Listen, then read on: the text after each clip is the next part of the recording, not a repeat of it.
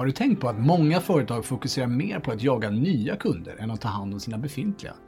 Utan ett bra fokus på att leverera kvalitet efter säljet och hitta nya sätt att hjälpa befintliga kunder är risken stor att konkurrenterna gör det istället. Vi tror att det här kan vara det största tillväxtproblemet för många företag och har därför utvecklat en ny mjukvara som vi kallar för Account Growth för att hjälpa företag att 1. Ta reda på vilka era bästa kunder är och visualisera dem. Förstå deras utmaningar och bygga rätt relationer med rätt personer. Och 3. Skapa en plan som genomförs och följs upp på ett strukturerat sätt.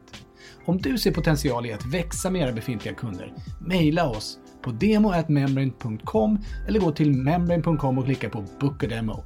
Vi ser fram emot att växa med er. Jag heter Georg och är grundare av Membrane, säljstödet för komplex B2B-försäljning. Och kom ihåg, hur du säljer gör skillnad.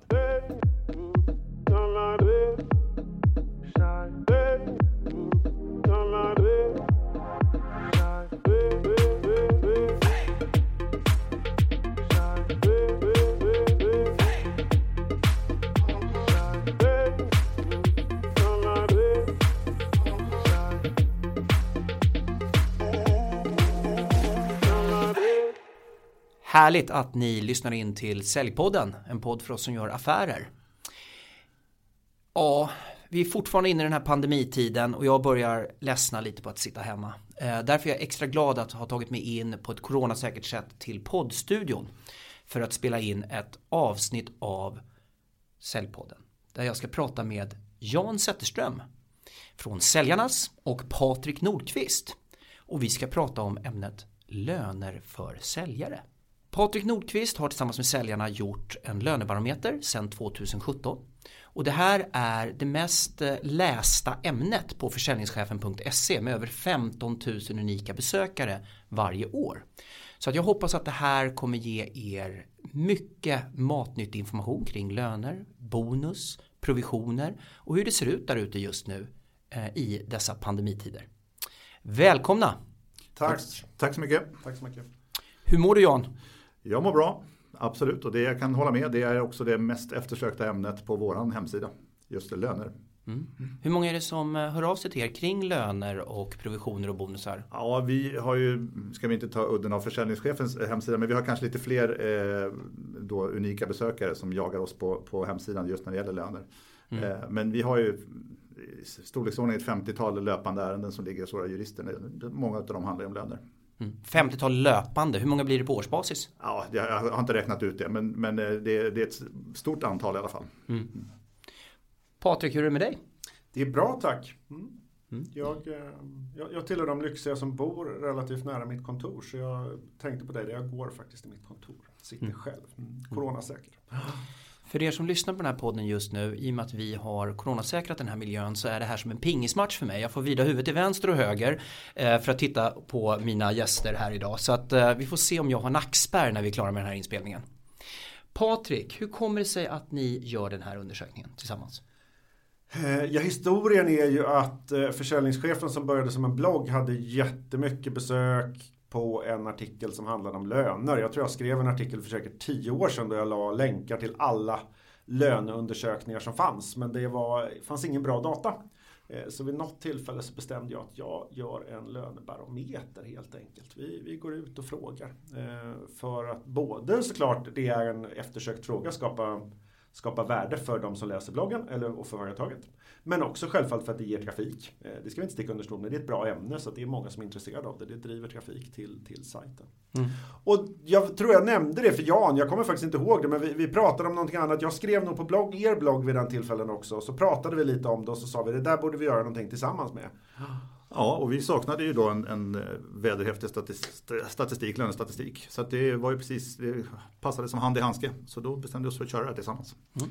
Och det har vi också märkt att det är någonting som både medarbetare, det vill säga säljare eller personer med säljande ansvar och chefer är superintresserade av. Så det, det, är ju högintressant för, för alla mm. aktörer som jobbar med försäljning på ett eller annat sätt. Mm. Det här är ett ämne som jag brinner väldigt mycket för. Jag har jobbat som med rekrytering där lön självklart är en del av det paket som erbjuds en kandidat förutom själva jobbet som sådant som är ännu viktigare när man rekryterar. Eh, men sen arbetar jag ju som och hjälper säljarna lite grann med som lönecoach. Men då tittar jag ju på andra aspekter. Hur faktiskt löneförhandlar du på bästa sätt? Och det är ju mer lite grann hur förbereder du inför ett lönesamtal och vad vill du få ut av det och så vidare. Nu ska jag ju gå ner lite crispy i siffror och statistik. Men någonting som är viktigt när man har gjort en undersökning det är att stå till svars för metod. Patrik. Så nu måste du faktiskt berätta lite bakgrunden, alltså vilka är respondenterna? Hur har det här gått tillväga för att samla in den här datan och hur har ni sammanställt det? Kan du göra en väldigt kort crisp dragning kring det här? Ja, vi kan göra en kort crisp dragning. Det, det finns ingen så här total bas över Sveriges säljare eller de med säljande titel. Det är viktigt att ta med. Utan det här är ett ganska, den går ut brett både till alla som följer då försäljningschefen i alla kanaler. Vi har även eh, olika inköpta adresser, allt GDPR säkrat såklart, eh, med stor spridning där man får möjlighet att svara på enkäten. Så det finns inget garanterat urval att det här stämmer med Sveriges säljbefolkning. Den är väl viktig att ta med. Samtidigt har vi gjort massor med mätningar, både Jan och jag har försökt jämföra med vad som finns. Vi har jämfört lite med LinkedIn och sådana här saker. Tycker att urvalet är riktigt bra, ser representativt ut. Eh, man får svara via mail helt, eh, eller via en webbenkät. Helt anonymt såklart. Så att, eh, ungefär drygt 3900 har svarat i år. Det är högsta siffran någonsin. Första året var det bara 2500 eh, ungefär som svarade. Så att vi har kört den här i fyra år. Eh, och sen sammanställs då data och presenteras i en rapport. Kan du ge lite bakgrundsdata? Kvinnor, män, branscher etc. Mm. 76% är män, 24% kvinnor. Ehm, så det, det är liksom en sån här fakta. Eh, 42% i år, det är faktiskt en hög siffra, har personal eller arbetsledningsansvar. Vi ser att det är många chefer som har tillkommit i år. Jag tror också det finns ett intresse från, från det är både ett egenintresse att se sin lön men också titta på medarbetarna. Vi har 36 olika titlar. Vi kan prata lite om titlar sen då, hur vi definierar det. Men vi har 36 titlar med som är representerade i undersökningen. Och där är det också så att man försöker få ihop dem till färre titlar. Att inte ha senior eller junior utan exempelvis account manager är en titel. En fråga där. Jan, du hade identifierat en annan siffra. Hur många titlar identifierade du? Ja, vi, har, vi har hittat 96 olika titlar som vi här hör till sälj i, i dagsläget då, i Sverige. Mm. Eh, sen jobbar vi nordiskt tillsammans med andra, eh, våra, våra systrar eller ja, våra andra fackförbund i de andra nordiska länderna. Eh, och där har man till exempel, i, till exempel i Danmark 141 titlar. Eh, vi håller på och jobbar på eh, ett EU-projekt, eller med ett EU-projekt tillsammans med andra nordiska länderna där vi ska försöka sortera ner de här till fem titlar så att vi, vi kanske lyckas. Vi tror det i alla fall. Och då kanske det blir lite lättare att göra undersökningen sen också. Det blir tydligare. Eh, det, är ju, det har blivit en liten titelsjuka i, i säljet, så är det ju. Finns ordet handelsresande kvar? Nej, det gör ju inte det. Det är möjligt att det finns någon, det är kanske en kommande titel som inte används längre som kan komma tillbaka, jag vet inte. Ja. Men, men det är ju bakgrunden till hela det här förbundet var ju handelsresandet. Det är ju lite intressant, jag undrar faktiskt hur mycket rekryteringsföretagen är boven i dramat. Jag vet inte hur många titlar jag uppfunnit med i livet faktiskt för att eh, försöka hitta det perfekta ordet som ska spegla det här arbetsinnehållet. Och mm. när man har suttit med det här så till slut blir det ju larvigt. Så att det här strävan efter att, att kanske komma ner i titlar är nog rimlig.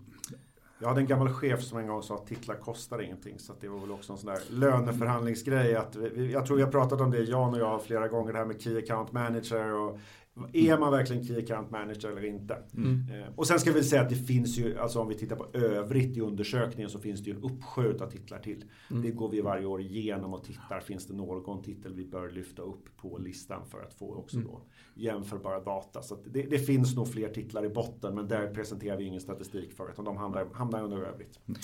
Härligt, jag kommer uppdatera min LinkedIn med Value Creation Director på, på måndag. Var inte det förra veckans titel? Ja, det var förra. Jag växlar lite. Bra. Patrik, fortsätt. Ja, nej, men vi täcker in 25 branscher. Eh, det finns en slagsida mot storstad, ska vi säga, i, undersökningen. Sen är väl inte det så konstigt. Jag, jag, uppfattar också att om man tittar på LinkedIn och andra data så jobbar de flesta säljare i storstadsområdena. Eh, även om jag tror att vi har en liten överrepresentation som också står i rapporten att, att Stockholm, Malmö, Göteborgsregionerna är lite överrepresenterade. Men det är troligtvis där också finns flertal säljare om vi tittar på det. Det ser vi på våra medlemmar också på medlemsstatistiken att det är klart att vi har flest, det följer demografin så att säga så att det är inte så konstigt. Hur ser lönenivån ut i Stockholm för en säljare jämfört med exempelvis lönenivån i Vetlanda? Jag tar ett exempel nu bara. Ja. Vi har valt att inte redovisa det för vi, vi, vi ska satsa på det för att förstå nästa år för vi kan bara ta övriga landet och Stockholm men den ligger ju över i Stockholm. Stockholm ligger i topp. Sen kommer Malmö-Göteborg som en tydlig tvåa med ett ganska rejält kliv neråt och sen kommer övriga landet. Mm. Och det är lite fräckt att säga övriga landet, jag vet det. Så det är därför vi har valt att inte redovisa det per region eller liknande. Men förhoppningsvis ambitionen nästa år är att få lite svarande till och då kommer vi över en gräns så vi kan börja redovisa det. Historiskt har ju många telemarketingfunktioner legat ute i landet. I Piteå, i, i Värmland, Karlskoga va? etc. Eh, Borås och så vidare. Eh, för att det bland annat var lättare att attrahera personer där och dessutom billigare arbetskraft. Hur, hur kan det se ut i framtiden om vi nu kommer sköta mycket mer digitalt? Varför ska ett företag överhuvudtaget rekrytera i Stockholm? Jag ställer den frågan till dig Patrik så Jan slipper svara på den frågan. Ja, det, jag tror väl både och. Alltså jag tror vi kommer fortsätta jobba mer digitalt och mer hemifrån. Sen ser jag ju ett uppdämt behov i min verksamhet av att träffas. Det är liksom, man vill också träffas. Så att jag tror inte vi kommer gå tillbaka till det vi var förut. Men jag tror inte heller vi kommer fortsätta vara helt digitala. Eh, jag, jag, tror, jag tror vi kommer behöva ha en mix av det. Kanske lite effektivare än vad vi var förut. Mm. Eh, så att jag tror fortfarande det kommer vara en storstadsrepresentation på säljare och det är också där företagen ligger. Jag hoppas och tror att du har rätt. Ja, det, jag tror också att det stämmer väl överens. Men eh, absolut det här med att man kommer att ha en annan mix av, av det här med att vara ute och resa. Det kommer blandas upp på ett annat sätt med, med digitala möten. Man kommer att kunna skicka produkter och dra digitala, dra, köra digitala dragningar för kunderna tror jag. Mm.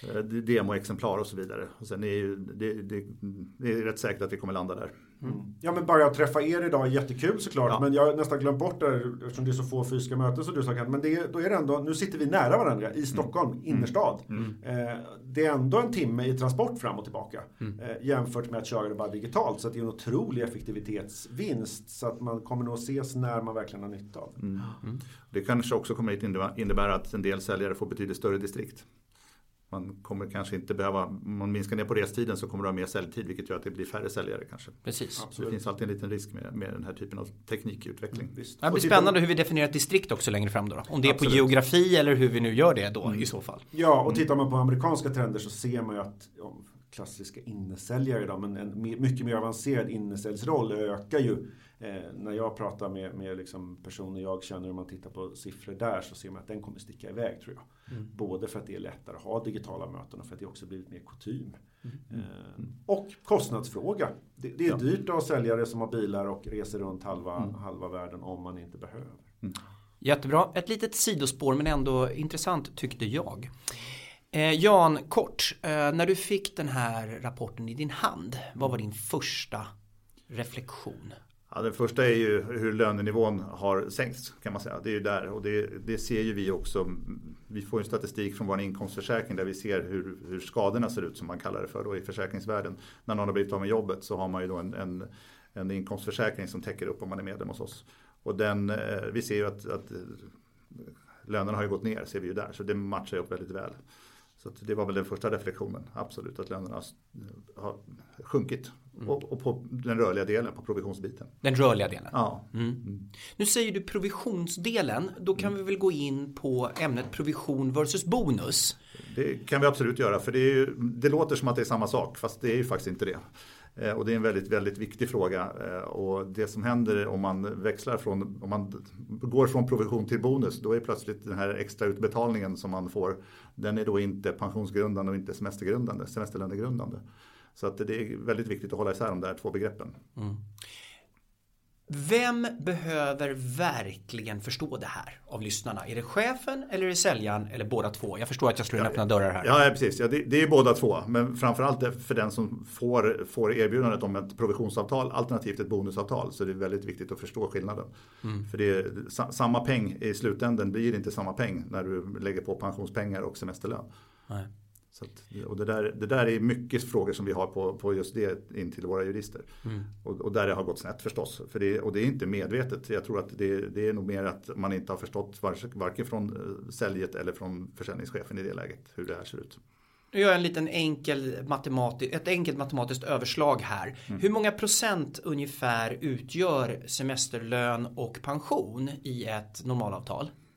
Ja, det, det är ju alltså det beror ju på hur, hur ditt pensionsavtal ser ut. Men ja. du ska ha rätt till pensionsavsättningar på den lön du har. Så man kan inte mm. säga på procent, beror på vad du är på för lönenivå. Mm. Men, men eh, semesterlönen är ju, är ju då eh, 12 procent på, på det du snurrar runt. Mm. Så, att, så att det är ju där någonstans man måste börja räkna då. Men... Och det betyder att om du skulle ha en lön med 50 procent fast mm. och 50 procent provision som istället har blivit bonus säger vi. Ja då är tappet ganska avsevärt då. Ja, absolut. Mm. Ja, och det behöver inte vara så mycket så att, så att det, den, den skillnaden. För om du börjar prata pensioner så beror det ju på var du har sparat dina pengar någonstans. Mm.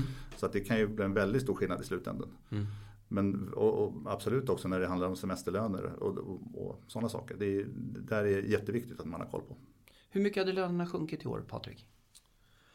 Vi kan börja med den rörliga andelen, för den, den tror jag är den stora. Liksom, lönerna har inte sjunkit. Vi ska väl, det, det, det, lönerna. Ja, ja. Förra året så var den rörliga andelen 19 procent.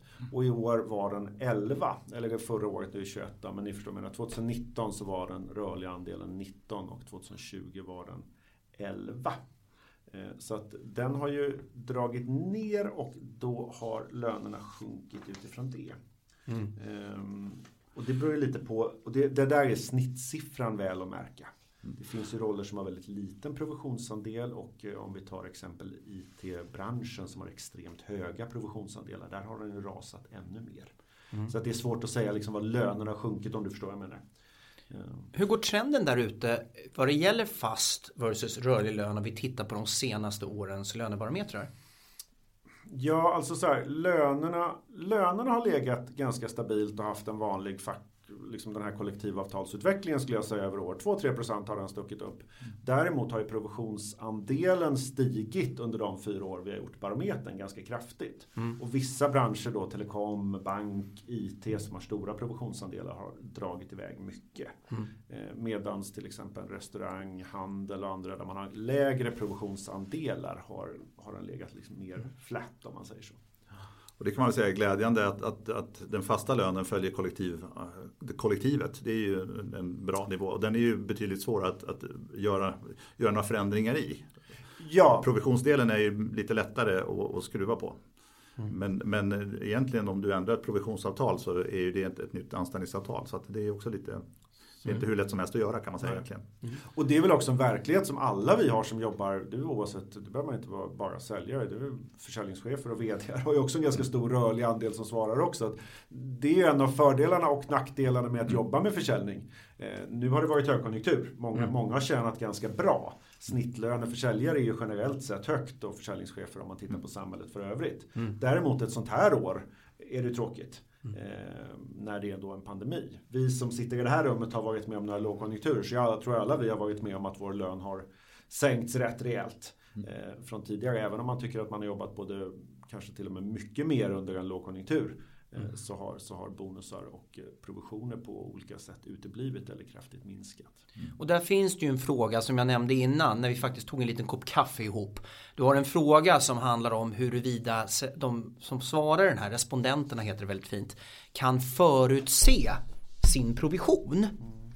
Och då svarar väl endast 36% att kan förutse sin provision. Och jag reagerar på det här för att vi ska nog inte tro att vi kan förutse provisionen. Däremot så handlar en annan fråga om huruvida man förstår själva modellen. Kan du reflektera kring det Patrik? Skillnaden på de här två? Ja, det, det är en knepig fråga. Jag tror det står följa och förutse om man, om man läser sådär. Men, och, om vi kommer tillbaka till att du, du har hjälpt i lönecoachning. När vi tittar på utbildning och träning så tittar vi på hur mycket tjänar du på att ringa ett samtal till? Det vill säga hur många möten får du av ett samtal? Vad gör du för försäljning på dina möten? Och vad får du i slutändan för pengar? Det är lite det vi väger in i förutse. Men jag håller med, den frågan är under utredning och har varit ett tag för att göra det så bra som möjligt. Det vi är ute efter där förstår jag och kan på något sätt förutse, nu gör jag citationstecken i luften, men liksom veta vad ska jag göra för att få provision? Vad ska jag göra för att få bonus? Mm. Det är lite det den frågan ska avspegla. Eh, sen att, att förutse som du säger, det finns många faktorer. Men om du jobbar strukturerat så kan du på ett annat sätt ha lite i alla fall ett hum om vad du borde få ut i lön. Mm. Ni som det kan man väl säga, det är ju den vanligaste frågan vi får hit till säljarna. Det, det handlar ju om att tolka ett anställningsavtal, ett provisionssystem. Mm. Eh, där man är oense alltifrån när det ska betalas ut till vad det ska vara på för vilken, eh, man, har, man kanske har provision på TB, men är det TB1, TB2 eller TB3? Alltså det, det, är många avtal som inte är kompletta kan man säga. Mm. Där man har kanske gått in i ett avtal med en gemensam syn men sen när, när någonting går snett så gör man en omtolkning av avtalet också. Mm. Så det, där är, det, det, är inte så lätt att hantera och det är nog inte så lätt för, för vare sig den som skriver avtalet, det vill säga ledningen eller säljaren att göra tolkningen på ett korrekt sätt. Och där kan jag ställa mig på arbetsgivarens sida och samtidigt ställa en mm. fråga. Om jag har medarbetare som har svårt att förstå mm. vad de får i provision och bonus. Det är lite det här du är ute också Ken, att Ger det ens någon, är det ens någon nytta att ha provision och bonus säger jag lite spetsigt då. Varför ska de ha det om de ändå inte förstår när de får det? För då vet de heller inte vad de ska göra för att få provision och bonus. Ni förstår vad jag är ute mm, efter. absolut. Det kan jag tycka är helt galet. Och det är lite det den ja. frågan syftar till. Jag håller med om att den är svår och liksom sådär.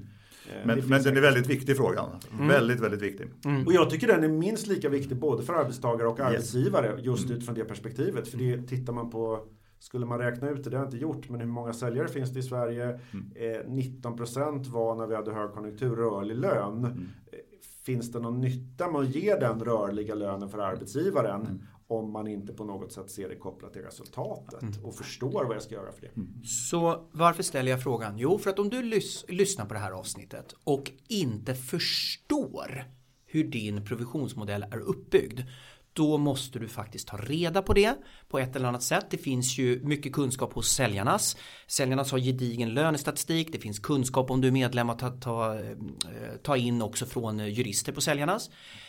Om du inte kan förutse, nej det får du nog leva lite med, men då får du börja bryta ner lite i hur du arbetar med din försäljning och försöka komma närmare sanningen. Så det är faktiskt två helt olika saker. Eh, I det här ärendet och jag tycker att du som lyssnar verkligen ska ta några minuter och fundera på det här. Förstår jag? Och hur gör jag sen när jag har förstått för att bättre förutse? Och jag tycker det gäller även om du sitter i ledning och är arbetsgivare att förstår mina medarbetare hur de får provision. Förstår jag hur de får provision eller bonus? Ja, börja där. Förstår jag det? För att... ja, men det, det som alltså det, det, tycker jag är minst lika viktigt som, som säljchef. Om, ja. Speciellt jag har själv suttit i stora organisationer där man ibland fått en massa krav som mm. kan vara svårt att kommunicera att det måste vara någon spärr här eller någonting. Eh, vilket gör att förstår jag ens? Ja. Mm. Och det har ju till och med hänt att man har fått en liten bonusutbetalning som man inte vet varför man fick. det kan vi väl alla erkänna. Ja. Eller det har också hänt att man ibland fattat varför jag inte fått bonus ja. även i ledningsperspektiv och så insett just det, vi har någon koncernspärr där att det måste vara något. Mm. Det var väl någon skandal för 25 år sedan, eller vad var det, 20 år sedan när folk fick så höga bonusar och det betalades ja. ut och alla skulle liksom lägga på spärrar hit och dit. Just det. Eh, jag kommer inte ens ihåg när det var, för det var så länge sedan. Men... Det var försäkringsbranschen som härjade runt. Det var försäkringsbranschen ja. som härjade runt. Ja, men då blev det ändå kutym att man la på spärrar av olika typ. Yes. Mm. Vilket komplicerar saker. Det finns mm. säkert en logik och bra med det, men det gör det svårare att förstå och förutse. Mm. Om vi tittar på respondenterna i den här undersökningen, minns jag rätt? 24% kvinnor? Ja, jag tror det var 24%. Ja. En fjärdedel ungefär i alla fall. Okej. Okay. Speglar det här hur det ser ut i samhället inom sälj, kvinnor och män på ett ungefär? På ett ungefär. Vi har jämfört återigen lite med LinkedIn, tittat på, på roller. Du har en annan uppfattning Jan? Ja, vi, ja uppfattningen är nog, det, det, det, det är nog inte så att jag har en annan uppfattning, men vi ser ju bland våra medlemmar så är det ju strax under 20% som är kvinnor. Och så där, där är vi ju, vi har inte lyckats eh, attrahera tillräckligt många kvinnor som, som, eller så många kvinnor som vi borde ha kan man säga. Och min tro är väl att vi ligger närmare, man ligger inte 50-50 utan man ligger väl kanske 55-45 eh, skulle jag tro. Men det har nog att göra lite med det här med titlar och sånt där också. Mm. Precis, vad definierar man som säljare? Mm. Eh, vi, vi, ser till exempel på, på största titeln, account manager, där är det ungefär den kommer inte ihåg exakta siffran, men där är det närmare den, mm. den siffran. Sen är det liksom lite olika i olika branscher och olika. Mm. Vad säger undersökningen först Patrik kring löneskillnad mellan kvinnor och män? Mm, den ska vi ta fram så jag läser den. Där. Den har legat ganska stabilt under åren men totalt, återigen på hela populationen, alla titlar eh, utan personalansvar så är det 9 eh, skillnad med den fasta lönen mellan män och kvinnor. Och lägger man också då på den rörliga så är det 12 löneskillnad. Där har du säkert någon siffra Jan hur det ser ut i samhället som helhet. Jag, jag tror att det är 9% i samhället som helhet. Mm. Så, så det är nog inte så långt ifrån. Men det, sen det är den här provisionsbiten som är, tydligen då ställer till det lite grann. Ja, provisionsställer. Och då ska vi titta liksom, då, då, bara så vi drar ut det lite. Då. För det första så tittar vi på den vanligaste förekommande titeln i undersökningen. Det är account manager. Eh, och då tror jag vi har, just när vi skojar om titlar, så tror jag alla senior account och junior mm. account lägger sig där. Men där är det i princip ingen löneskillnad. Där har faktiskt kvinnorna 0,2% högre högre fast lön. Eh, Männen har 3% högre rörlig lön. Så att där är det 1% löneskillnad. Det är, den, den, har legat också stabilt över åren. Eh, så där är det en ganska liten löneskillnad. Det vi ser är att kvinnor är överrepresenterade i branscher med lägre löner. Eh, kvinnor är också överrepresenterade att inte ha en budget. Och budget är väldigt ofta kopplat till bonus eller rörlig lön. Så det, det, är liksom tendenser vi ser till varför också förklaringen skulle kunna vara att kvinnor generellt har lägre lön i hela undersökningen. Mm. Eh, så att jag ska inte säga att de är jämställda inom alla roller och alla branscher, långt ifrån. Men i, i större, i, vissa, i vissa roller så är det ändå mer jämställt. Mm. Mm. Vad, eh, vad är din reflektion, Patrik, kring lön, kvinnor, män kopplat till, och det här är bara tyckande. Mm. Har du någon bild av vem som är bäst på att förhandla? Kvinnor eller män? För det här hör jag hela tiden att män är bättre på att förhandla än kvinnor. Jag kan inte verifiera det. Nej, jag skulle inte säga att män är bättre på att förhandla, men alltså nu generaliserar vi grovt igen mm. och tittar lite på hur det har varit. Men jag upplever ju att eh, killar överdriver, män och killar överdriver lite vad man kan. Tjejer underdriver lite vad man kan. Det tycker jag mig ha sett i rekrytering. Mm. Jag tycker det där ändrats och jag ser en tendens. Jag jobbar ju med jättemycket bolag med, med unga tjejer som är mycket kaxigare än vad killarna är på många håll. Mm. Så jag tror det där håller på att ändras. Men historiskt sett tror jag det har varit lite så. Sen tror jag snarare det är så att män är överrepresenterade. Det säger ju faktiskt siffrorna. Mm. De är överrepresenterade i branscher där man har hög provision. Och det kan inte jag svara på, men IT-branschen till exempel. Och det är också för att det är traditionellt manliga branscher mm. där det är mycket pengar. Mm. Så jag, jag, tror inte generellt sett att kvinnor skulle vara sämre på att förhandla än män. Däremot tror jag det kan vara en kaxighet och en attityd som ibland gör att man roffar åt sig lite mer på ett positivt eller negativt sätt. Det, ja. det är återigen tyckande. Och det som är roligt är att jag ryckte ju saker ur sitt sammanhang. För att det handlar ju också om en hur förhandlar du? För att du kan ju kortsiktigt få en kraftigare löneförhöjning men långsiktigt så, så slutar du oftare. Du har kortare anställningar och så vidare för att du gör dig omöjlig. Men jag vill nämligen ställa följdfrågan till dig Jan. Ehm, jag får ofta också åsikter att säljare är duktiga på att löneförhandla. Och att de är bättre än genomsnittet i liksom Sverige. Man borde ju vara duktig på att löneförhandla om man är säljare. Vad är din bild? Ja, det borde man ju vara. Jag vet inte om, man, om det finns någon, någon bakgrund på det. Det, det. har inte vi tittat på kan jag säga. Mm. Men naturligt så borde det vara så om, om jag är i en sån säljande roll så att jag förhandlar priser så borde jag också kunna förhandla för mig själv. Men det är ju som alla vet mycket, mycket svårare att, att själv gå in och säga jag, jag är så här bra. Det, det är inte alla som klarar det. Och, och det är mycket lättare att förhandla åt någon annan. Det, så är det ju. Det är det som jag också vill åt, för det här hade jag faktiskt en baktanke. Min bild är att det inte är så givet.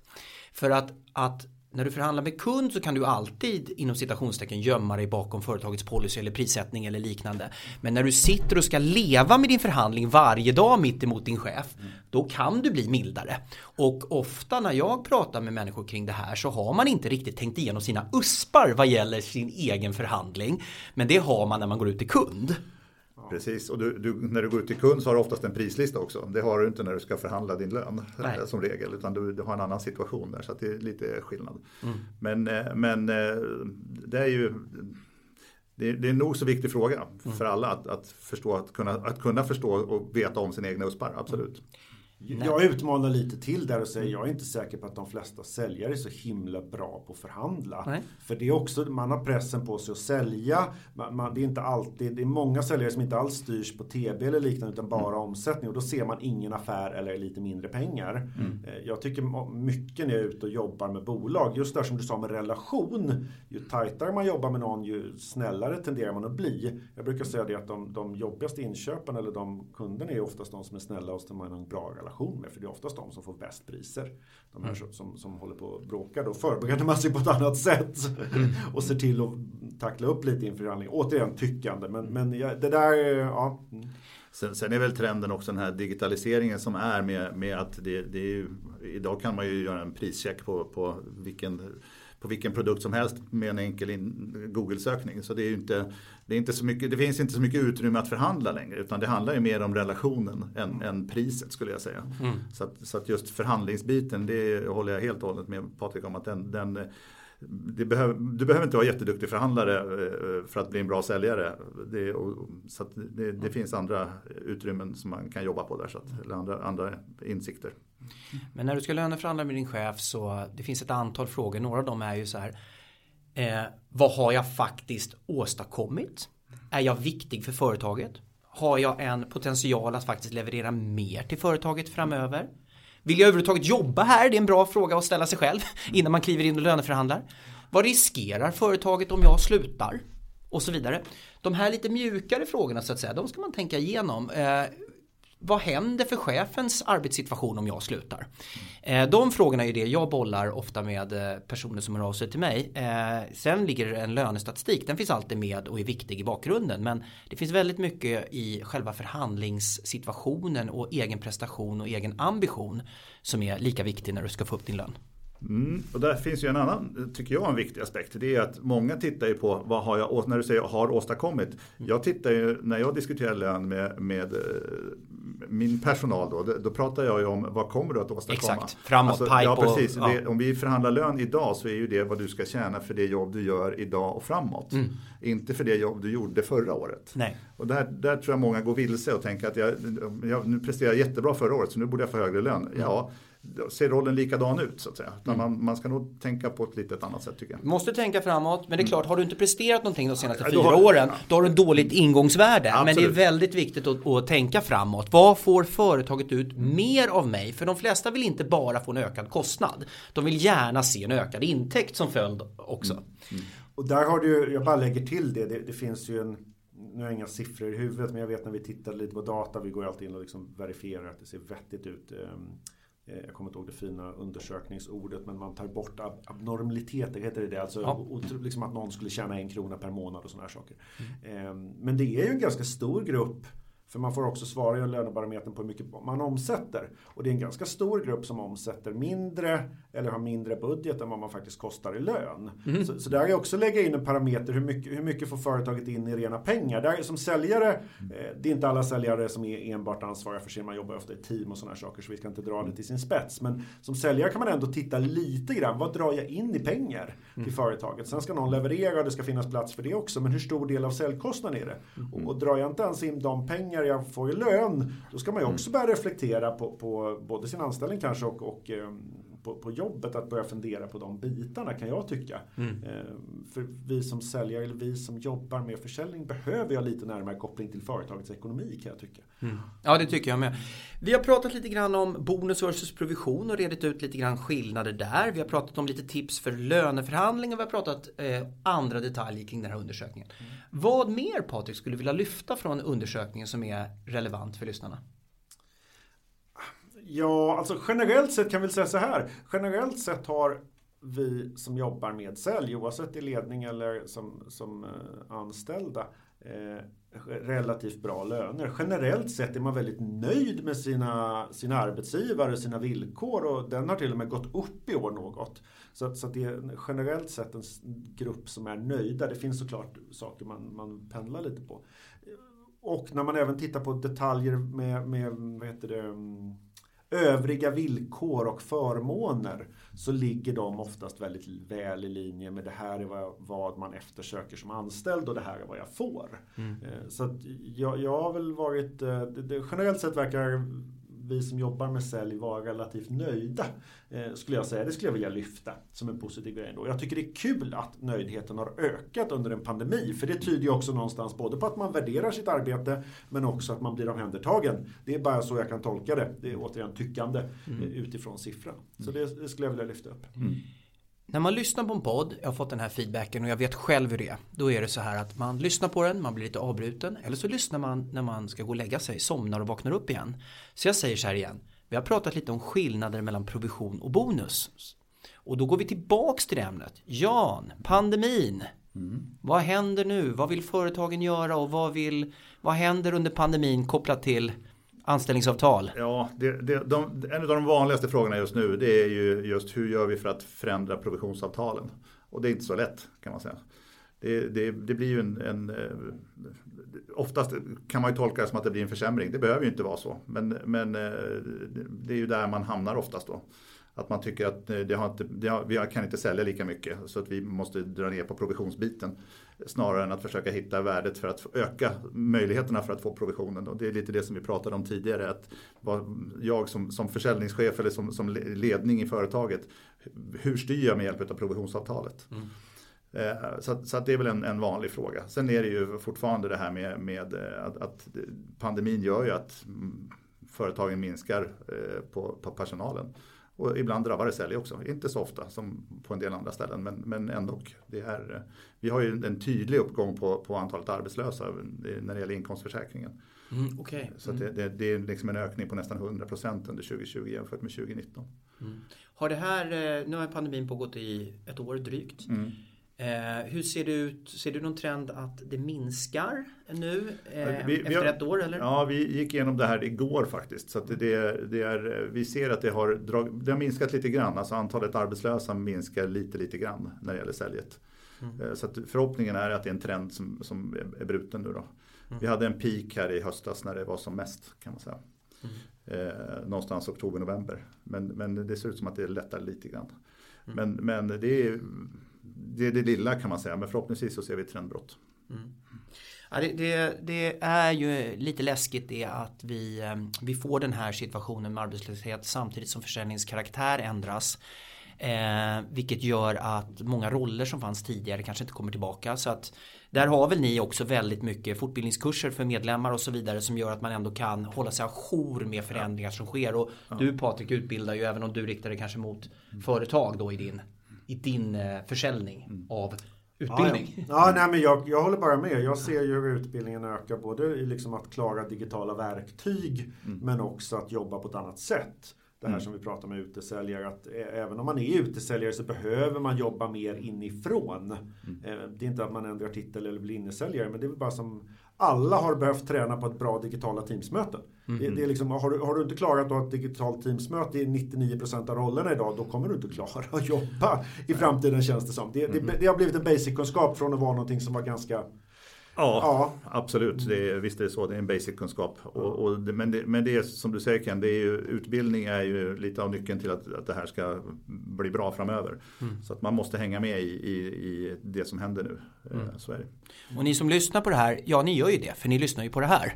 Mm. men eh, ja, ni kan väl dela det här med någon vän och Eh, och, peppa dem för att det behöver man när man är i den här situationen. Jag blir ju kontaktad av väldigt, väldigt många som är i en svår situation. Så att, och då blir det lite larvigt att säga att utbilda dig men det är viktigt.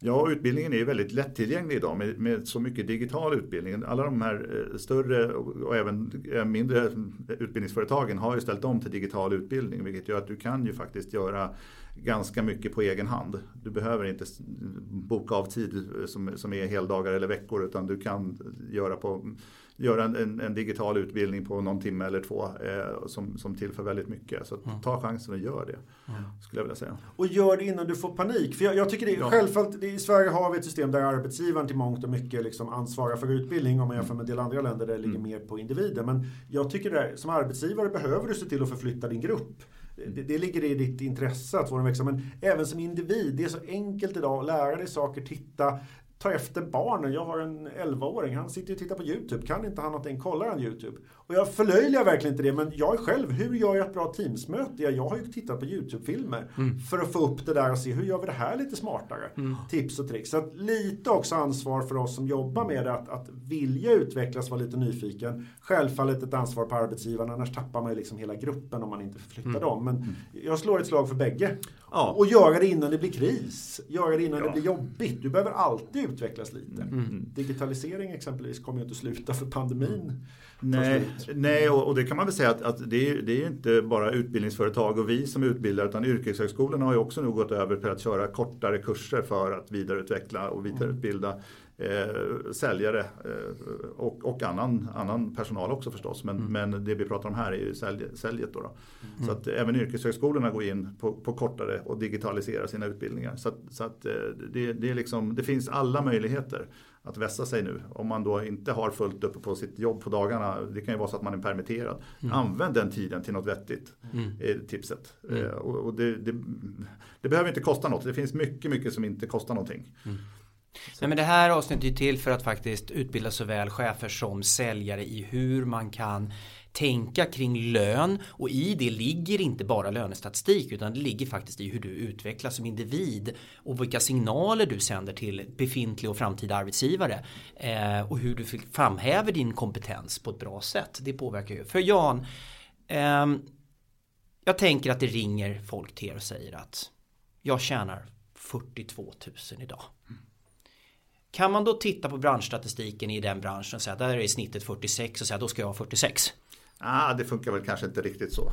Nej. Utan det, det är fortfarande handlar det ju om vad, vad har du för lönepolicy i företaget och sen är det ju allting runt omkring. Du kan inte bara prata lön utan du måste ju prata alla övriga eh, förmåner som du har. Allt ifrån att man har kanske då bil, vilket ju nu man kan börja ifrågasätta om det är en förmån längre när man mm. gör om systemen. Men, men det finns ju rätt mycket annat som friskvård och andra förmåner som du kan ha. Mm. Så att man måste titta på hela paketet. Och sen mm. får man ju också tänka sig för när man pratar eh, lön. Är det mållön vi pratar eller är det lön, fast lön eller är det den rörliga biten? Vad mm. pratar vi om för någonting? För det är också en nyckel. Och det här är ju samma som att du förhandlar med en kund. Så säger vi att du har ett pris och så har du betalningsdagar och så har du leveranstider. Man kan inte beta beta av en i taget att få utan det blir ju en helhet i det här. Ja. Jag är van vid att någon kommer och säger men jag vill ha 55 och sen när man är klar med det, ja men sen vill jag ha pensionen och sen vill ja. jag Ja, jo fast till slut blir ju en ekvation som gör att jag inte har råd. Mm. Eller tvingas höja din budget mm. någonstans. Mm. För allting hänger ihop på något mm. sätt. Mm. Jag skulle just säga det, det är en ganska kraftig skillnad vad du har för budget också. Mm. Även om du är i en viss bransch och en viss titel så kan ju budgeten variera Mm. Väldigt, väldigt mycket och där kommer vi tillbaka till hur mycket pengar drar du in till företaget och vad finns mm. det också. Ja. Viss avspegling ändå vad du liksom drar ja. in där. Mm. Ja. Mm. Patrik ska få avsluta. Eh, du ska också få avsluta Jan med råd till en säljare och råd till en chef kopplat till, låt oss använda ordet kompensation. Och den är väldigt öppen med det för att du ska få en möjlighet att freebasea. Ja, då freebase jag. Det första säger jag faktiskt, jag tycker, det, nu sitter vi här liksom, ett fackförbund och lite, vi pratar arbetsgivare och arbetstagare. Jag tycker, det visar också undersökningen. Sälj sitter väldigt nära företaget och ledning. Man lever, har man provision, har man en rörlig lön så sitter man oftast lite i samma båt med att går det bra för företaget eller går det inte bra för företaget. Så jag, jag tycker det är en sån här bild att hjälps åt att tillsammans leverera bra resultat. Mm. Det är ju grunden för, vi har en ganska stor andel rörlig lön. Det är positivt för försäljningschefen, det är positivt för vdn, det är positivt för säljarna. Eh, så att alla hjälps åt där, för det är det som i slutändan handlar om att få upp eh, hur mycket pengar vi kan tjäna som individer och företaget. Mm. Eh, som chef, nej men jag lyfter det här faktiskt, tydligheten. Eh, vi kan diskutera formuleringen av frågan, men jag stöter också alldeles för ofta på Förstår dina medarbetare hur de kan påverka sin lön och därmed sitt resultat? Det vill säga, har du en rörlig lön, titta över det, för det tycker jag ligger i ditt intresse. Inte för att de inte ska ringa till Jan och vara osäkra på sitt, sin lön, utan för att det faktiskt ska bidra till resultatet. Mm. Jätteviktigt. Och som säljare, ja, förstå och läs på. Jag lägger samma sak där. Men ta också och fundera på hur det påverkar resultatet. Se till att du har ett provisionssystem eller var med och påverka om du kan det. Att få ett provisionssystem som ligger i linje med företaget. För det tror jag du tjänar på som, som medarbetare. Så det skulle jag ta som sista råd utifrån löneperspektivet. Knyt ihop er eh, så att man har samma, samma aspekt på det där. Se till att det blir tydligt för då kommer ni dra åt samma håll och det kommer alla att tjäna på. Jan, nu får du ställa en fråga till dig själv och svara på. Lite Jeopardy. Vad är det viktigaste du vill lyfta? Nej, men jag, jag måste säga, jag håller med Patrik här. Att, att förstå avtalen eh, sinsemellan. Ofta så är ju försäljningschefens avtal speglas ju, eh, eller säljarens avtal speglas hos försäljningschefen. Det är ungefär samma parametrar fast det är en grupp av, av parametrar som kommer till försäljningschefen som sen är en grupp av chefer som går upp till vdn så småningom. Så att ofta så ser ju hela kedjan likadan ut. Mm. Eh, så att förstå, försök förstå, få, få, att hela företaget förstår från, från topp ner till botten hur avtalen ser ut. Det är en jätteviktig bit och, och vara överens om det. Vi, vi vill ju inte ha några konflikter. Vi tycker att det är mycket roligare att, att slippa dem kan man säga. Mm. Även om man tror att facket eh, är ute efter att få hitta konflikter. Det är inte det vi vill försöka göra utan vi försöker få folk att bli överens. Vi, vi har ju sällan några förhandlingar som landar ute i tingsrätten utan de flesta löser vi ju innan. Mm. Eh, och, och, det är mycket bättre att man skakar hand och är nöjda och går åt varsitt håll om det skulle vara så. Eller så skakar man hand och är nöjd och är tillsammans fortfarande. Mm. Det är inte svårare än så. Mm. Så, att, så att, eh, absolut att förstå varandra och, och förstå att, att, eh, hur hela kedjan hänger ihop. Den är viktig. Och med all respekt för juridikens sätt att hantera muntliga avtal, pacta sunt servanda, så Jan, muntligt eller skriftligt? Alltid skriftligt säger jag då. Ja. Det blir mycket, mycket lättare. Och till säljarnas jurister så säger jag, ja, ni har ju rätt, men, och ni håller nog med ändå, gärna ja. skriftligt. Ja, de brukar säga till mig att det, det, det, är en sak att ha rätt, en helt annan sak att få rätt. Mm. Eh, det är också ett viktigt att ha med sig. Mm. Men det är väl samma sak som med kunder lägger jag till. Alltså det är väl samma sak där. Man vill ju slippa konflikt där också. Man vill ha tydlighet. Och det är bra att på något sätt ha ett dokumenterat avtal oavsett storlek. Ja. Eh, men, men, men, jag måste säga, jag tror man lägger ner mycket mer eh, tid på att eh, göra riktiga avtal mellan kund ja. än vad man gör med sina provisionsavtal från mm. företagens sida. Ja. Än, än, så länge. Men det borde man kanske skruva på lite. Och jag tror faktiskt det speglar även det här vi pratade om med förmågan att löneförhandla versus förhandla med kund. Jag tror att det läggs mycket mer tid externt och det är jättehärligt. Men just här mm. måste man göra rent innan. Ja. För att de konflikterna som uppstår mellan arbetsgivare och arbetstagare om det blir fel, de är ju väldigt jobbiga. Ja, och, och, och många gånger kostsamma också. Mm. Inte så mycket kanske för att det är en massa juristetimmar som går, fast det kan vara det också. Men också att det tar stopp i, i, i produktionen om man säger så. En säljare som inte tycker att den får sin provision, den säljer inte så jättemycket. Mm. Är min erfarenhet i alla fall. Ni har ju i över ett och ett halvt års tid stått bakom den här podden utan att göra stort väsen av er egentligen i podden. Mm. Eh, om du nu ändå är med i avsnittet ja. så kan väl du någonstans ändå berätta vad är det säljarna gör för att ja. hjälpa medlemmar? Ja, vi, vi försöker utveckla och utbilda och, och, och det är väl där som våran huvud, vårt huvudspår ligger idag. Att vi ska utveckla och utbilda säljare. Eh, men också förstås hjälpa till så att det blir en bra arbetssituation. Om det skulle vara så det knakar någonstans så har vi juristerna som täcker upp där. Mm. Så, att, så att, eh, vi försöker skapa en, en, bra situation för säljare, det är vår roll. Mm. Och ett, ha, vara lite av en nätverksmotor. Vilket är ganska svårt i pandemin. Vi, mm. vi kommer att försöka oss på köra digitala AVs och lite sånt här lite framöver här för att vi måste försöka få igång och träffa våra medlemmar ute i landet. Mm. Jättebra. Tack för att ni var med. Eh, den här lönebarometern den är släppt nu och är det så att du vill ta del av den här lönebarometern så eh, kan vi se till att ni får den via LinkedIn. I det här in, det finns ett inlägg kopplat till det här där, där vi kan se till att skicka den här till er. Det finns även på försäljningschefen.se, stämmer det Patrik? Absolut, eller det. försäljningslönebarometern kan man googla också. Så. Mm. Jättebra, och där kan ni även läsa lite mer om Patrik och de tjänster som han eh, erbjuder. Ni kan också gå in på säljarnas.se, där finns det otroligt mycket kunskap, både kring löner men även kring försäljning. Och det finns både för icke-medlemmar, om du nu inte är det, men även då för medlemmar, fast då finns ju tänker jag Jan att, att viss information har man inte tillgång till om man inte är medlem. Nej, det är ju lite, lite så att en del saker håller vi lite för, för medlemmarna. Känns det rimligt att medlemmarna ska ha en fördel? Ja, lite grann så. Mm. Mm. Mm. Och vill man bara se fina bilder så går man in på straction.se, det är min hemsida. Där har man ingen liksom sådär som man kan ta med sig direkt, men, men det kan man väl göra om man vill. Eh, jättekul att ni lyssnade. Eh, och hörni, ut och sälj nu så ser vi till att vi sätter Sverige i rörelse, får tillbaks människor i arbete och får upp lönerna igen på samma nivå som 2019 och början av 2020. Ja, vi, vi får hoppas att vi kan sitta här om ett år och säga att nu har lönerna gått upp igen. Det skulle vara väldigt skönt. Det hoppas jag med. Ha det gott!